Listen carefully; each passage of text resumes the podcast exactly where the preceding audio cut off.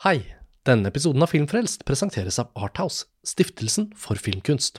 I 30 år har Arthouse reist rundt på filmfestivaler og håndplukket fantastiske filmer fra hele verden, som vi i etterkant får se på kino her hjemme i Norge. For eksempel Bong Yon-hos Parasitt, Celine Siammas Portrett av en kvinne i flammer og Michael Hanekes Amor. Og i fjor sikret Arthouse seg Ryusuke Hamaguchis Drive My Car på filmfestivalen i Cannes. Og den filmen kan dere se på kinoer over hele landet fra 4. februar.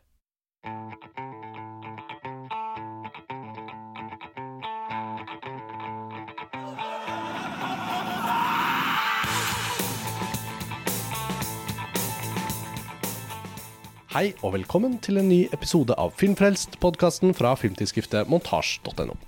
Mitt navn er Karsten Meinick, og vi er nå på plass i Tromsø for årets utgave av Filmfestivalen.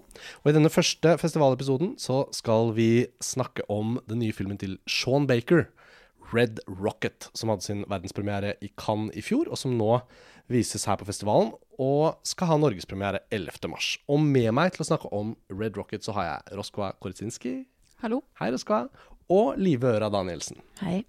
Veldig hyggelig å være her i Tromsø med dere. Eh, jeg fikk sett filmen i Cannes første gang, eh, altså i fjor. Eh, men så var vi alle på samme visning i går, der filmen ble vist for et Ja, hva sier, hva sier, man om en full sal på årets festival? Det er jo så mange smitteverntiltak at en full sal er jo en ganske sånn spinkelt befolket sal. Men det var i hvert fall utsolgt, så vidt jeg vet, fra de billettene som var tilgjengelig. Um, Sean Baker, bare for å starte der, han fikk jo sitt gjennombrudd for de fleste med The Florida Project, hans forrige film, og jeg vet vi alle har sett den.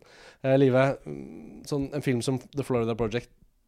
Hva sitter du igjen med etter den, og hvordan var dine forventninger til Red Rocket før du så den i går?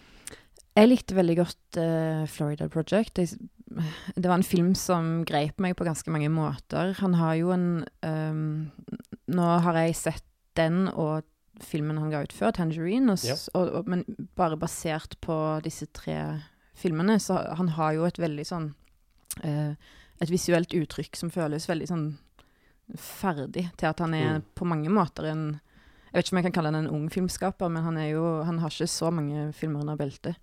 Og det er liksom en sånn uh, fantastisk sånn fine menneskeskildringer i et sånt uh, I veldig sånn slående omgivelser, da. Um, vi skal nok komme litt tilbake til mm. omgivelsene i akkurat denne filmen, men uh, kort fortalt så var det en film jeg likte veldig godt, og, og som jeg syns var veldig rørende. Mm. Ja, den var veldig rørende, og jeg følte at noe av kraften i Florida Project lå vel også litt i hvordan han um, skildret et ganske sånn trist og traurig miljø, med mange tragedier under overflaten, men på en sånn levendegjort måte fordi vi var vitne til disse barndommene til de barna i filmen, så man skjønte at for dem var dette livet. Og når det da først smeller helt til slutt der, eh, og man skjønner hvilken skjebne de kanskje er på vei mot, da, fra det vi har sett i filmen, så, så får man jo også en veldig sånn sterk følelse av at han har et sånn humanistisk prosjekt. da. Og jeg syns jo også Tangerine, som jeg syns var en veldig kul film, den skjøt han jo på iPhone. Og det var litt av noe av gimmicken rundt Tangerine da den ble markedsført og fikk sånn festivalsuksess rundt omkring i verden, var jo også at det var en film som hadde en virkelig slående og effektiv visualitet. Ikke på tross av at den var filmet på iPhone, men i stor grad på grunn av da, at det helt sånn løsrevne kameraet og den energien som lå i bildene og bevegelsene i den filmen, ga veldig mye av portrettet av rollefiguren òg, som var liksom rastløs og som var kule mm. eh, personer. Så mm, ja, jeg føler bare at Sean Baker er en sånn veldig sånn spesifikk stemme fra den amerikanske independent-scenen som, som, ja, som bare bærer bud om noe stort. da. Og så har han laget et lite knippe små independent-filmer i starten av karrieren som mange av dem ikke er lansert på verken DVD eller Blu-ray eller er tilgjengelig på streaming. Så bare sånn til lytterne så er det ve veldig mange av de sånn opprinnelsene, altså kortfilmer og langfilmer han gjorde helt i starten, de har ikke vært tilgjengelige. Så de har ikke vi mulighet til å referere til. Men han har selv varslet på Twitter at han restaurerer da sine aller første filmer nå, så kanskje man får tilgang på en litt sånn større del av filmografien hans etter hvert, da. Men eh, Roscoe, Florida Project og liksom det å se mot Red Rocket, på en måte. Hva, hva tenker du om han som filmskaper? Uh, nå var Florida Project første møtet mitt med han, uh, så jeg hadde jo ikke så mye å sammenligne med, eller så mye å forvente egentlig, men i likhet med dere så likte jeg jo den filmen veldig godt. Uh, noe av det jeg likte aller best, var hvordan han klarer å skildre en sånn type arbeiderklassetilværelse. Det blir nesten en underdrivelse. Altså sånn virkelig det laveste sjiktet av det amerikanske samfunnet. På en måte som både er eh, har mye humor i seg og varme, men også egentlig ganske mye eh, brutalitet. Eller altså sånn, han har et veldig lite sentimentalt blikk, da, kan man kanskje si. Ja. Uh, og det samme gjelder jo denne filmen. Så nei, jeg hadde forventninger uten at, jeg liksom, uten at det er en filmskaper jeg kjenner veldig godt. Mm. Og jeg tenker noen ganger når man grupperer det store landskapet vi ofte omtaler som amerikansk independent film, så føler jeg det er et mindre og mindre nyttebegrep, fordi det skal gruppere inn så mye forskjellig. Og så har man strømmetjenestene nå som på en måte lager de gode gamle mellomfilmene, men de lages kanskje litt på mer sånn indie-budsjetter. Indie og veldig mye utforskende formspråk og sånn går ned i, i ut med skyllevannet. Og så får man veldig mye sånn lik sånn Netflix-aktig visualitet, da. Og der er det jo verdt å trekke fram, syns jeg, at Baker jobber helt annerledes. Han har en veldig sånn dedikasjon til å opprettholde en sterk form Altså en visualitet som er på en måte gjennomarbeidet og ment å ha et veldig veldig spesifikt uttrykk. Og så har han uttalt seg ofte gjennom pandemien om behovet for at ting vises på kino. Og A24, som har distribuert den i USA, Red Rocket altså, de, og gjorde jo Florida Project også, de har uh, fulgt Bakers forslag om å la den ha et langt kinoliv før den kommer på digitale tjenester og sånn, da. Så det er jo ikke så mange filmskapere som holder fanen så høyt hevet for den typen elementer ved det å få eh, den identiteten og det kunstneriske uttrykket liksom bevart så lenge som mulig på det store lerretet, da. Når det er sagt, så føler jeg jo at Red Rocket også trenger sin lille introduksjon, da, før vi dykker inn i filmen og snakker om hva vi syns om den. Um, jeg sa til dere før vi startet at jeg kan ta på meg og gi et riss av plottet, og så må dere jo bare fylle på med beskrivelser av de ulike karakterene og sånn, etter hvert som vi diskuterer litt hva slags film dette er. Men utgangspunktet er i hvert fall veldig direkte. En veldig sånn in medias race åpning. Eh, her møter vi en fyr, Mikey, som sitter litt sånn slitt med noen skrubbsår og blåmerker på en buss som han eh, går av og vandrer langs motorveier og gater i Texas inntil han kommer frem til et nedslitt hus som han banker på, og der er det noen han kjenner, åpenbart. Og han eh, har da returnert til Texas City, som de beskriver det som, hvor hans eh, fortsatt kone, men åpenbart eh, Hva skal vi si? Om ikke fraseparert, så har de i hvert fall eh, skilt seg fra hverandre sånn emosjonelt. Og hun bor der sammen med sin mor. Eh, dette er Lexi, da, som er kona hans, og moren Lill. Og de er ikke interessert i å få han inn i huset. Og man skjønner at her ligger det veldig mye bakhistorie, og det får vi sikkert vite etter hvert. Men liksom, dette er de første par minuttene av filmen. da. Og de første sekundene er også uh, tonesatt av uh, NSYNCs Bye Bye Bye. En hit uh, jeg håper regner med alle vi har et slags forhold til. Og jeg føler, Når man bare hører starten av filmen, de første sekundene av filmen, så kjenner jeg bare Å, er det en sånn film? Jeg føler liksom at filmen er som en, et album noen har puttet inn i en CD-spiller og trykket play på, og så bare starter filmen sånn veldig med en gang. Så ved siden av å bare skissere plottet, så føler jeg man må si litt om liksom, viben filmen også gir med en gang. da. Det er skutt på 16 mm, det er noen sånne sjokk-zooms, det er noen sånne ganske harde klipp. Og i løpet av disse minuttene så blir vi da kjent med Mikey som en veldig sånn fyr som ikke tar nei for et nei, men som har en litt sånn konstruert høflighet også i møte med ekskjæresten eller ekskona og, og, hennes mor. Og så til slutt så slipper de han da gradvis inn sånn Kan jeg få ta en dusj, da, i det minste? Ja, greit. Så har han disse blåmerkene. Og så kan jeg bare få sove på sofaen ett døgn, da? Så er det, hva er det som har skjedd med deg? Så etter hvert så skjønner vi at han har ikke noe annet sted å gjøre av seg. Og når vi blir kjent med relasjonene og litt hans personlighet, så forstår vi også at filmen skal bli et portrett av en sånn en sånn type hva skal vi kalle det, en litt sånn hustler, en sånn livets eh, uh, gladgutt som aldri har tatt eh, helt et nei for et nei. Og hver gang han ruller ned bakken, så skal han komme seg opp igjen. Og så forstår vi også etter hvert hva hans yrkesbakgrunn er, da.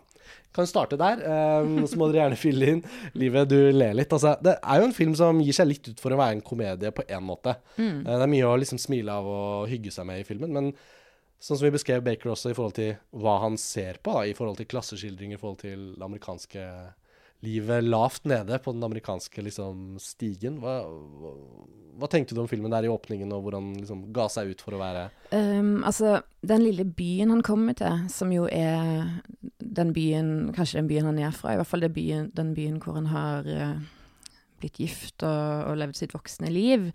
Eh, det er jo en sånn fabrikkby. Jeg tror liksom det er Texas City eller noe sånt. Ja. Og den er veldig sånn Det er påfallende Noen raffinerier og noe olje. Og ja. er, men så er det ikke så langt unna kysten heller, så det er vel der. Nei, hvis du kjører litt, så får du noe fine sånn kystlandskap, liksom. Ja. Men, men, der han bor, er liksom midt oppi det fabrikkhølet med alle de pipene og det er alt Altså, det er en blå himmel der, men det er noe røyk foran den, så du ser det ikke så godt. Og, Mm.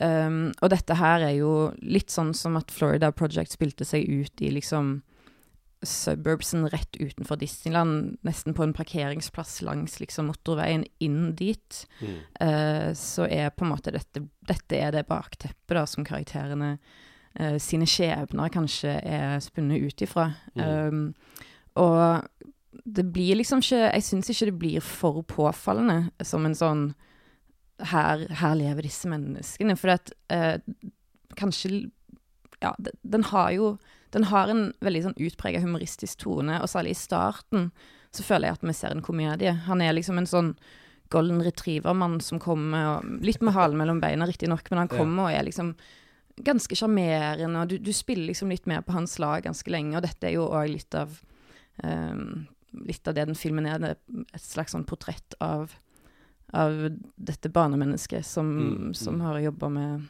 ikke så fullt barn, barnevennlige ting. Nei, altså Roscoe det er ikke et spesielt barnevennlig univers heller, kanskje hvis vi får møte i filmen. Det er jo noen harde kanter, syns jeg, som kommer til syne ganske fort. Men ja, dette med sjanger, eller på en måte komedien, og dette med hele denne livstrøtte Dette landskapet, da, og denne slitasjen som jeg føler Amerika i større og større grad har begynt å vise oss, både i måte virkeligheten gjennom nyheter og katastrofer og dull. Føles som at det samfunnet står liksom på gyngende grunn.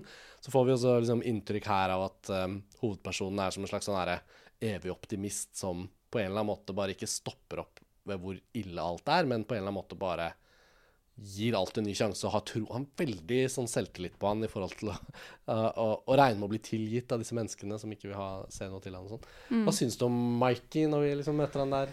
Uh, nei, jeg tenker jo at det uttrykket livet bruker, barnemann, er Ja. litt sånn treffende, fordi han er jo på et eller annet nivå litt uh, uangripelig, nettopp fordi eh, han kan oppføre seg på en måte som man kan betegne som kalkulerende eller, eller kalkulert eller manipulerende, men samtidig så og det er kalkulert og manipulerende, Mm, men det mm. er kalkulert og manipulerende på samme måte som det er hos en seksåring, da, som har lyst eh, Som vet hva han skal si og gjøre for å få noen i klassen til å gi ham lekene sine. Altså sånn, Mm. Det er ikke en som sitter og på en måte tenker ut hvordan kan jeg skade andre, men det er en som helt tydelig har sine setter sine egne interesser først, og som ikke kanskje har en bevissthet om at noe annet kunne vært mulig, da. Eh, at det er sånn han har måttet kanskje leve livet sitt, uten at dette er noe sånn skillingsvise. Men du får en veldig sånn følelse her at det er en person som også har overlevd på den måten, da. Som har bygget livet sitt sten på sten med en sånn type innstilling. At her må vi liksom mm, prøve å få folk til å gjøre det jeg vil at de skal gjøre. Mm. Eh, så, så han er liksom verken sympatisk eller usympatisk på en eller annen måte. Man blir liksom sittende litt og, og humre og verken Eller jeg opplevde i hvert fall at jeg verken på en måte heiet på han eller ønsket at han skulle oppleve noe som gjorde at han forandret seg, eller sånn. Jeg hadde ikke så mange ønsker på hans vegne.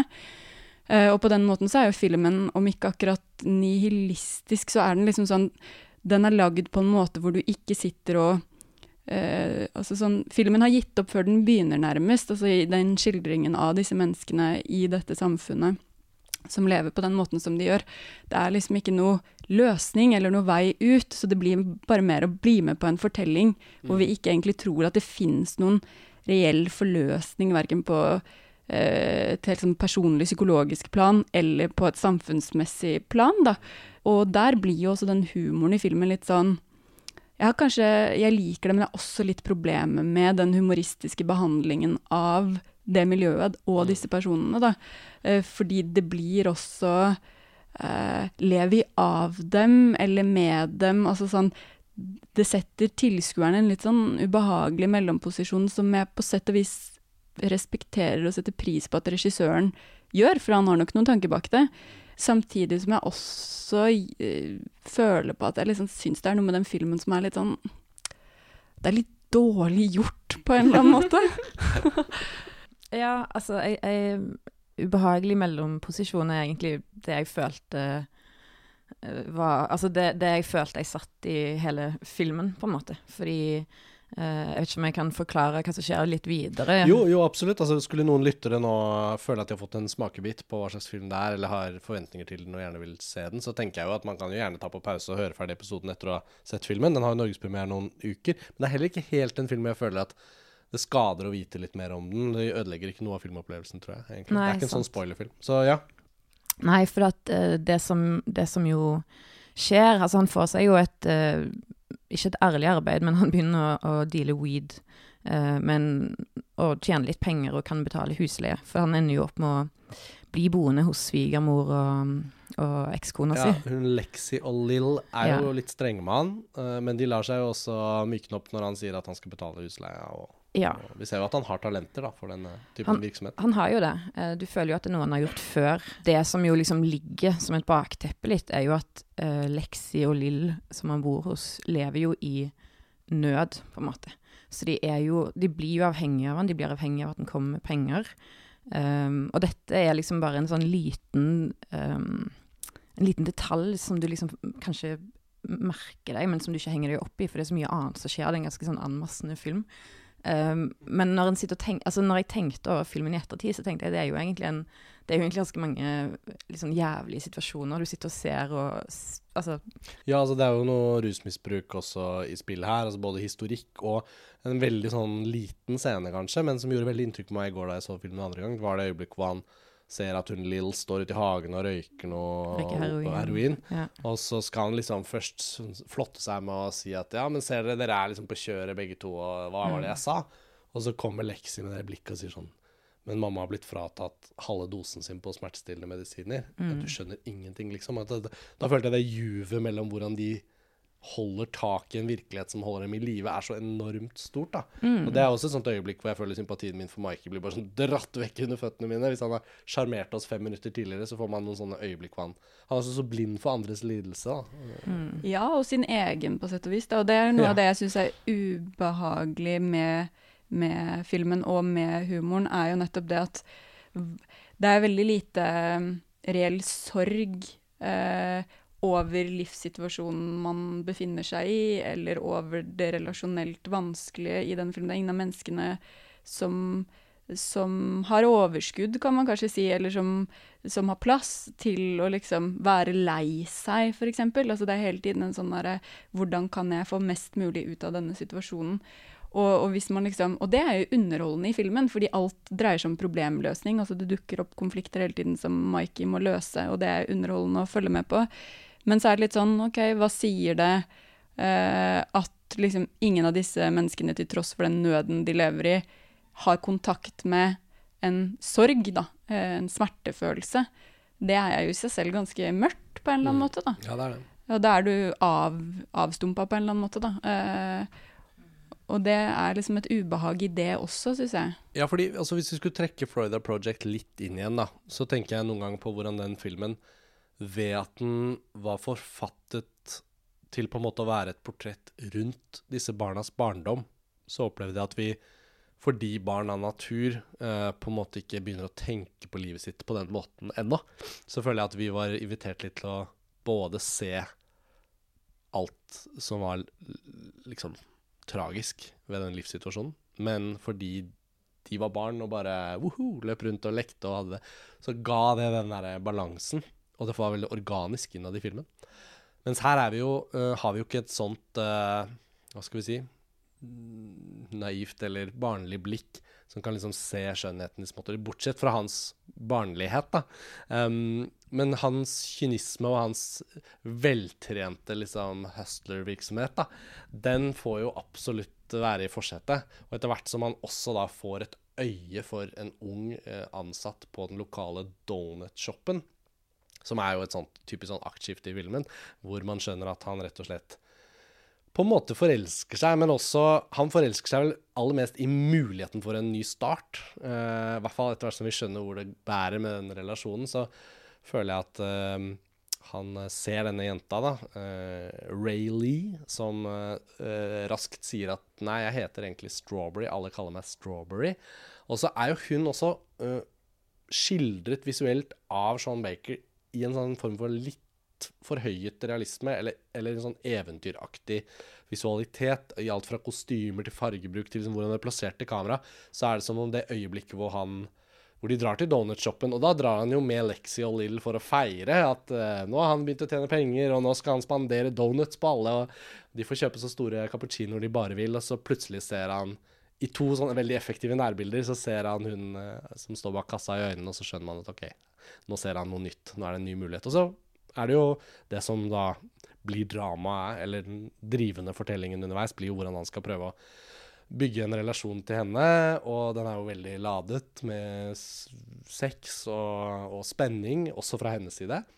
Men også helt mot slutten av filmen så føler man i mer og mer grad at den også relasjonen lever på et sånt litt sånn forhøyet virkelighetsplan. Og i Florida Project så er det jo veldig mye som spiller på liksom eventyret, Disney World, drømmen om et bedre liv som kanskje ikke speiles i du, den faktiske virkeligheten du lever i. Så det er, det jo, det er jo mange fellestrekk som han prøver å jobbe med i begge de to filmene. Da. Men som du sier, Oskar, jeg kan ikke si meg helt uenig i at det oppleves veldig annerledes i Red Rocket.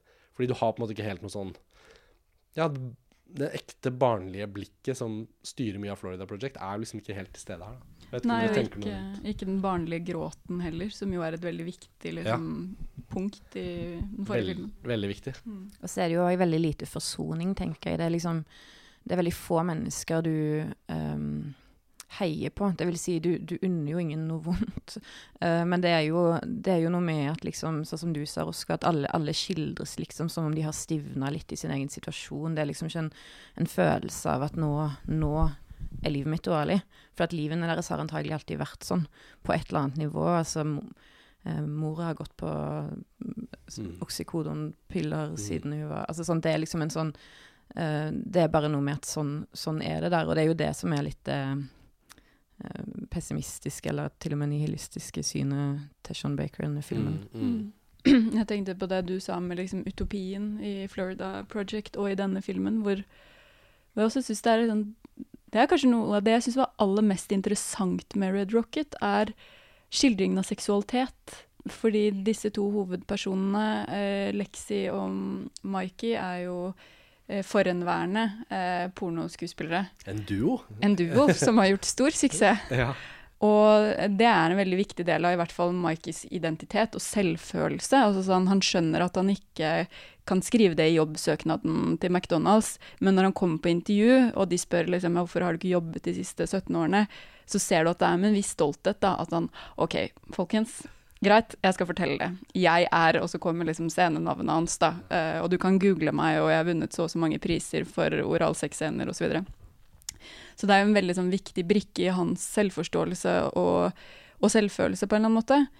Uh, og så er det noen sånne veldig veldig interessante uh, skildringer av samleie, både mellom han og Lexi og han og Strawberry, som er klippet Altså sånn De er altfor korte på en eller annen måte. Scenene varer ofte liksom to sekunder, og du hører bare sånn et stønn og et skrik, og så er det over, og så plutselig er det noe annet som skjer, som får en utrolig komisk effekt.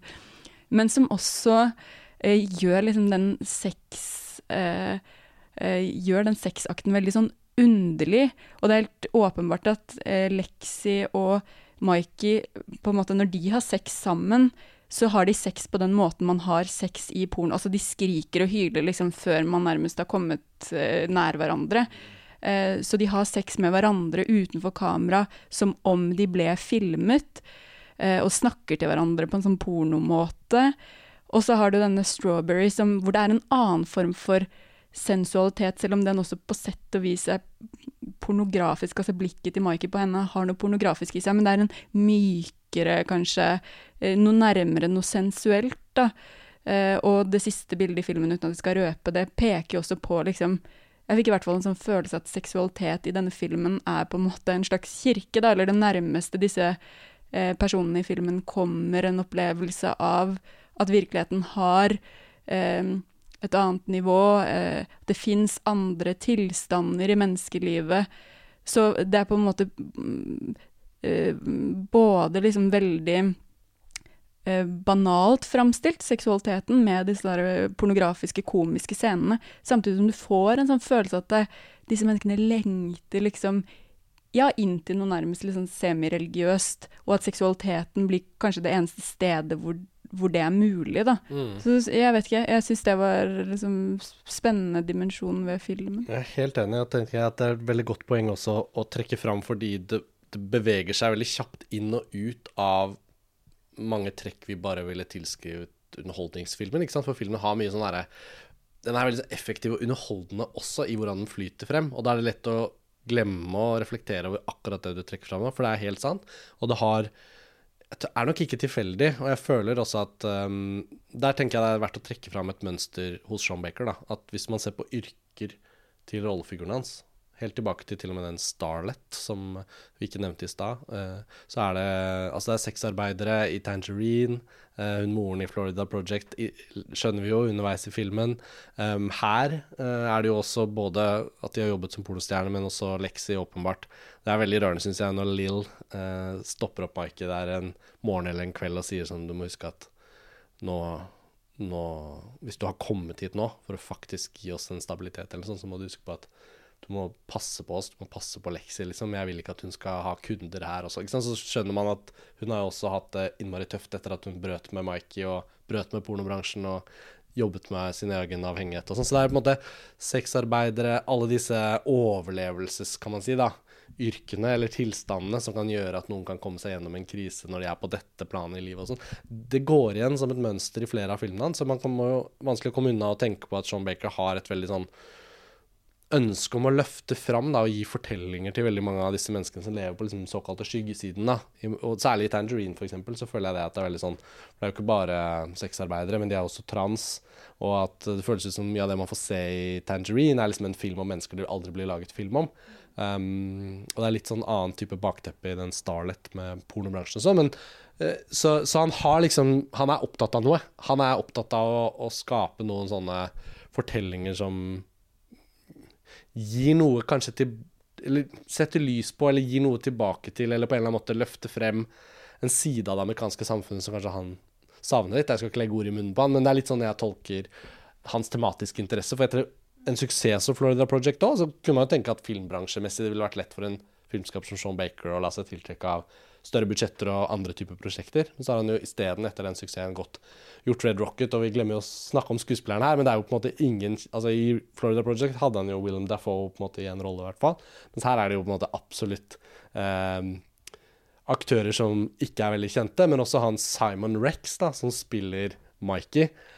Han Jeg husket ikke han fra før av, men han var jo da programleder på MTV og hadde hatt et ganske sånn hardt eh, liv og vært i noen scary movie-filmer og på en måte forsvunnet litt fra rampelyset, da. Og så er han nå tilbake, og det snakkes om Oscar-muligheter og sånn. Så det er jo på en måte noe fortellingen om hva Sean Baker velger å fokusere på, hvem han bruker i filmene sine og sånn. alt hører litt sammen, virker det som, da, for meg. Og så er det jo mer eller mindre vellykket i forhold til hvordan hvert verk kanskje funker, da, og hvordan det, det kommer frem. Men det blikket for f.eks. visualitet i pornofilm, og hvordan det er til dels gjengitt i hvordan han fotograferer sexen i denne filmen, det tenker jeg absolutt er meningen, men også at det er vanskelig å liksom måle helt hva da effekten blir. Fordi, som du sier, Oskar, så tenker jeg også at nærhet på en måte mellom Mikey og Lexi får vi vel nesten aldri egentlig se. Og når han først er slem med henne, så er det jo noen av de vondeste scenene i filmen. Mm.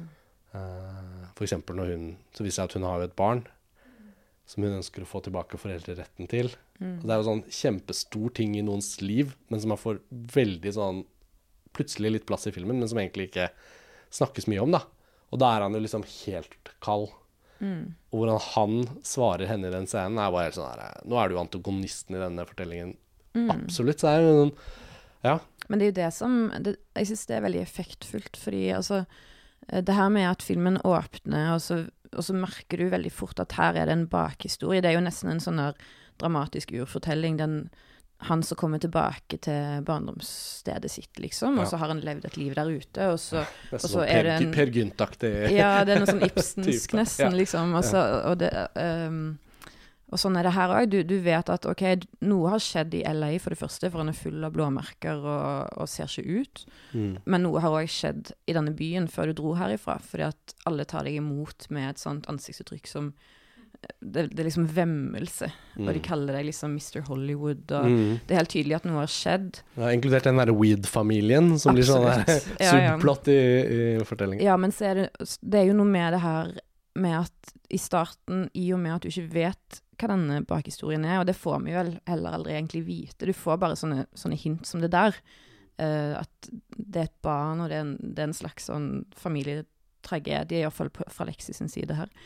Um, det gjør jo at, at, vi står fritt til å heie på han, og det tok jo jeg meg litt i å gjøre. At jeg, jeg tenkte han her er, han, han er en litt sånn sjarmerende fyr, liksom. Eller han er Ja, litt, kanskje. Og du heier litt på han, og han er, han er litt søt og morsom. Han går liksom som en fireåring. Han har noen sånne veldig sånn litt sånn elskverdige småting ved seg som gjør at du tenker ja, ja, men for guds skyld, dette klarer du, liksom.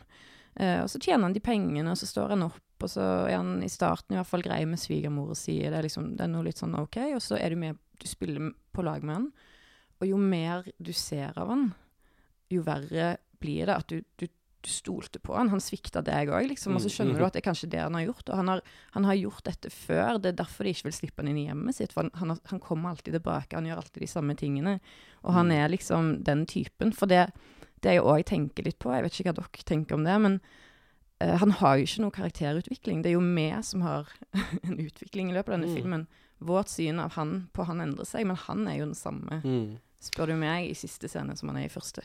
Ja, det er jo noe av det man blir sittende og tenke på i den siste scenen. da. At uh, man virkelig føler at Ja, for å, uten å si det for konkret, da, når han løper langs motorveien der, så er han jo tilbake der han startet. Uh, og det er vanskelig å ikke tenke på at han i hvert fall ikke har lært noe. Men spørsmålet er liksom Skal hans forsøk på å gjenoppfinne seg selv gjennom et nytt, ungt menneske som lar seg sjarmere Altså, skal det lykkes eller ikke? Og Der vil jo ikke filmen gi noe svar, og det er jo selvfølgelig riktig, tenker jeg, når filmen er som den er, at det ville vært veldig rart hvis den fikk sånn pent innpakket uh, slutt. Så det hviler jo sånn uro over den siste scenen nå, hvor man ikke helt vet hva man skal tro. Og det var en sånn sluttscene i Florida Project også, som, mm. som tok det litt til et annet plan. Mm. Sånn at vi ikke ble sittende igjen med en klar følelse av et svar, men kanskje en forestilt slutt. da. Mm. Um, jeg vet ikke hvordan, hvordan, Hva slags følelse satt du igjen med Roskva da filmen var ferdig? Vi, vi, diskuterte jo kort litt hva vi egentlig syns om filmen, men nå har vi jo egentlig grepet den an litt annerledes enn å gå, gå for en sånn klassisk kvalitetsvurdering. Så har vi jo kanskje forhåpentligvis enda litt mer interessant, da, snakket om hva slags film dette faktisk er.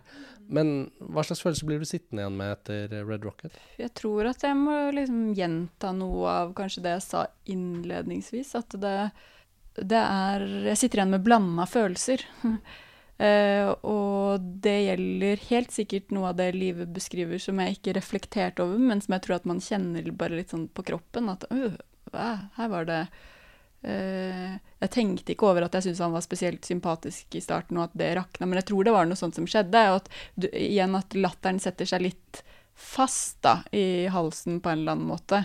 Fordi det går fra å være litt sånn gøy og veldig eh, Altså det er jo veldig sånn overdrevet spill. Altså ikke lite troverdig nødvendigvis, da, men er veldig, filmen er veldig eksplosiv og intens på en eller annen måte i uttrykket.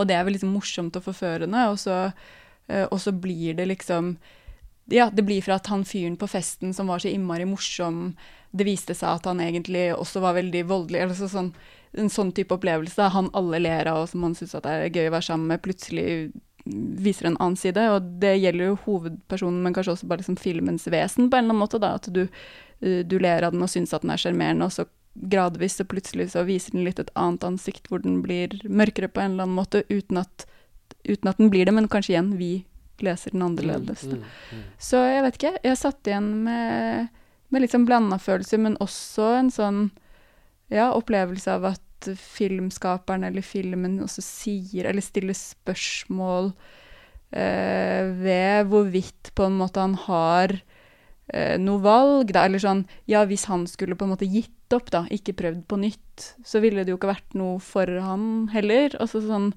det er også det som på en måte gjør livet verdt å leve for han.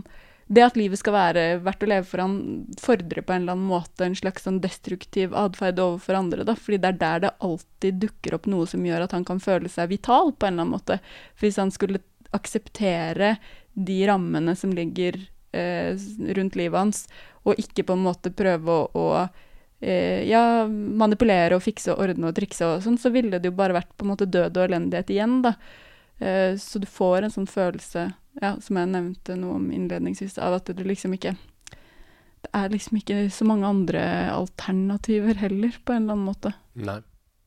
Det var jo andre gang jeg så filmen i går, og det slo meg at uh, jeg var nok mye med på sånn popkonsert første visning. Altså følte at liksom filmens rytme, musikk, fete filmspråklige grep og den derre Altså Man ser jo at det er to sider av saken i filmen også. At Sean Baker bruker filmspråket på en energisk og liksom, liksom livsbejaende måte, men at miljøene og tematikken og, og, lidelsen som ligger rett bak bildene eller i bildene, den er der òg. Det er jo på en måte to ting han prøver å gjøre samtidig.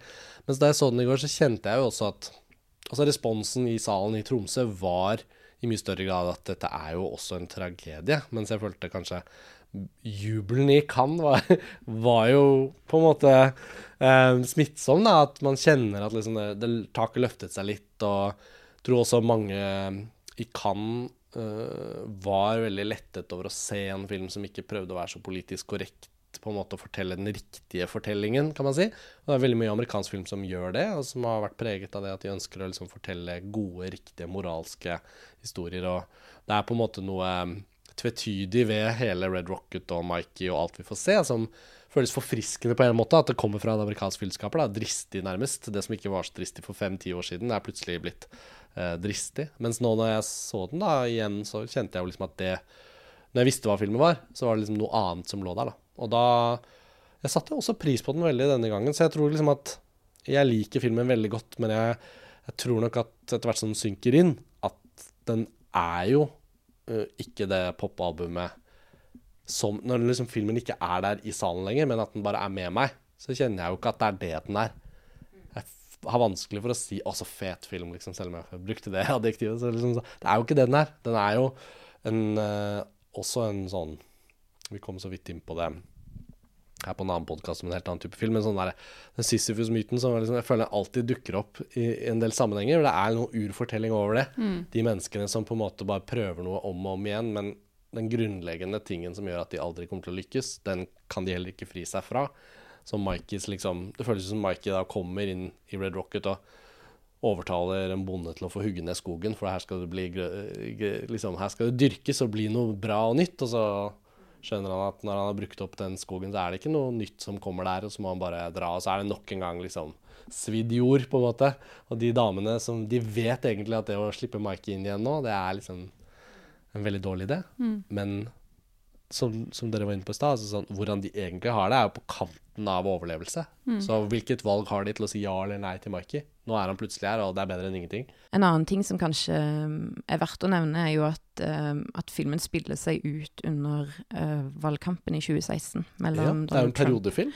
Ja, og det syns jeg jo spiller litt inn på det du sa der med, med en Sisyfos-myte, og det her med å liksom For det en kan si om Mikey, er jo at han er en slags sånn han, han, blir, som veldig mange andre, da, et sånt bilde på en sånn amerikansk drøm. At, at, hvis han bare høsler nok, og hvis han bare jobber nok, så skal han komme til det stedet han vil. Og det skal være et fantastisk sted, og det skal være LA, og det skal være damer, og det skal være penger, liksom. Um, og så kommer han aldri der, og så er liksom det han kanskje sliter litt med å se, at spillet rigger, og at han går liksom i en loop. Og uh, nå har jo jeg tenkt at jeg egentlig ikke har så lyst til å snakke om Trump og, og det politiske i denne filmen, fordi at mm, mm. det det tenker jeg at liksom bare ligger som, en, som, en sånn, som, et bakteppe uansett. Men der er det i hvert fall en, for meg en ganske sånn klar sammenligning med hvordan Trump kanskje har uh, han, altså, det, det, han har lovt til sine velgere, og som de trodde på, som aldri ble oppfylt, det er jo på en måte en slags sånn her De som tror på at hvis jeg bare jobber nok, hvis jeg bare høsler nok, så, så når jeg til det stedet som liksom jeg har fortjent. For sånn fungerer det hvis du er et individuelt menneske mm. som, som, skaper din egen vei, da. Det skal være den amerikanske drømmen. Ja. Mm. mm. Jeg tenkte også på, bare sånn helt kort, at uh, det er jo faktisk noen paralleller mellom den filmen her og den som heter Zero Fucks Given. Uh, ja som jeg ikke husker navnet på regissørene på. Men... Ja. Emmanuel Mar og Julie Lecoustre. Det vet jeg bare fordi jeg akkurat har intervjuet dem på, på, Filmprat, som er den andre sånn um, Ved siden av at vi gjør podkasten her i Tromsø, så gjør vi også disse videointervjuene som dere kan se inne på montasje. da. Så det er sånn fransk filmskaperduo som har debutfilmen sin her på festivalen. Ja. ja, som var en film jeg likte godt, og som, som også på en eller annen måte handler mye om utopier moderne utopier. Hvor også Dubai blir et sånn type Tenker på det Liv sier nå, med den der ideen om at man bare hvis man bare, så kommer man til det Mm. stedet. Mm. Og der eh, mm, har jo også filmen en sånn type politisk slagside. Det handler om flyvertinner, deres arbeidsvilkår, men også generelt bare liksom eh, hvordan samfunnet vårt er organisert, og hva det gjør med liksom hva vi tenker om frihet, kjærlighet, nærhet, eh, sorg, alle de tingene der. Eh, Men hvor også hovedpersonen, eh, som er flyvertinne, hennes store drøm er å bli flyvertinne i ikke det lavprisselskapet hvor hun jobber, som er en sånn slags eh, Ryanair-variant. Mm. Wing, heter det vel. Eh, men i liksom Qatar Airlines, eller hva det heter, altså der damene er liksom ekstra flotte og velpleide og bedre lønninger, og hvor de eh, bor i Dubai liksom mellom flyvningene og ikke på Lanzarote eller Tenerife. Men hvor også hovedpersonen har denne veldig ukritiske, eh, dette veldig ukritiske blikket på sin egen drøm, da. på denne drømmen om Dubai, mens vi som tilskuere står utenfor og vet liksom ja, fotball, VM og ikke sant. Eh, alle de samtalene som foregår, ikke i filmen, men utenfor, som gjør at vi liksom ser på den drømmen Mm. annerledes, samtidig Mm. som vi ikke på en måte står i en posisjon hvor vi kan nødvendigvis fordømme det allikevel, fordi det, det gir veldig mening innenfor det universet hvor disse personene, både i Red Rocket og, og denne Zero Fucks Given, eh, befinner seg i, da. Jeg er enig.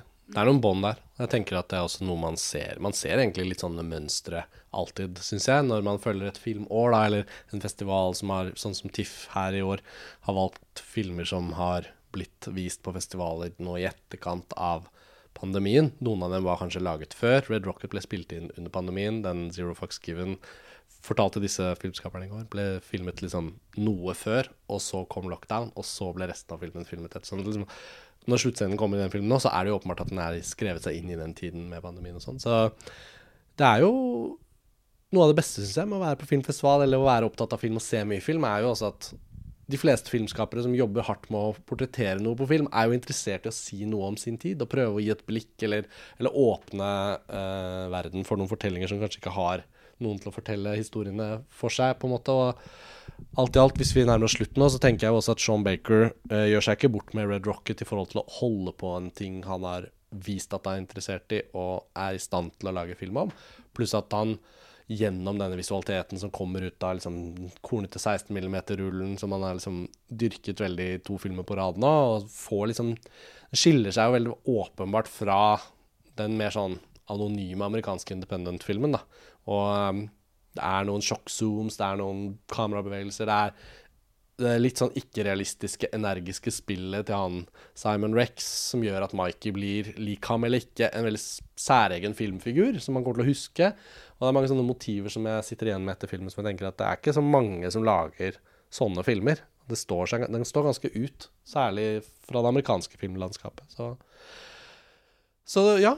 Ehm, filmen blir jo mulig å se på norske kinoer fra 11. mars, eh, som jeg nevnte innledningsvis. Så her uh, er det jo gode muligheter for dere der ute til også å se Red Rocket og delta i samtalen om den. Um, Roscoe og Live, takk for praten. Det var fint at vi fikk gjort en episode sammen om denne filmen. Og så er det jo sannsynligvis nå at det blir noen uh, festivalepisoder da, i de nærmeste dagene fra andre ting vi har sett her i Tromsø. Så Live, hyggelig å ha deg tilbake. Roscoe, det samme. Vi høres snart igjen. Ha det bra.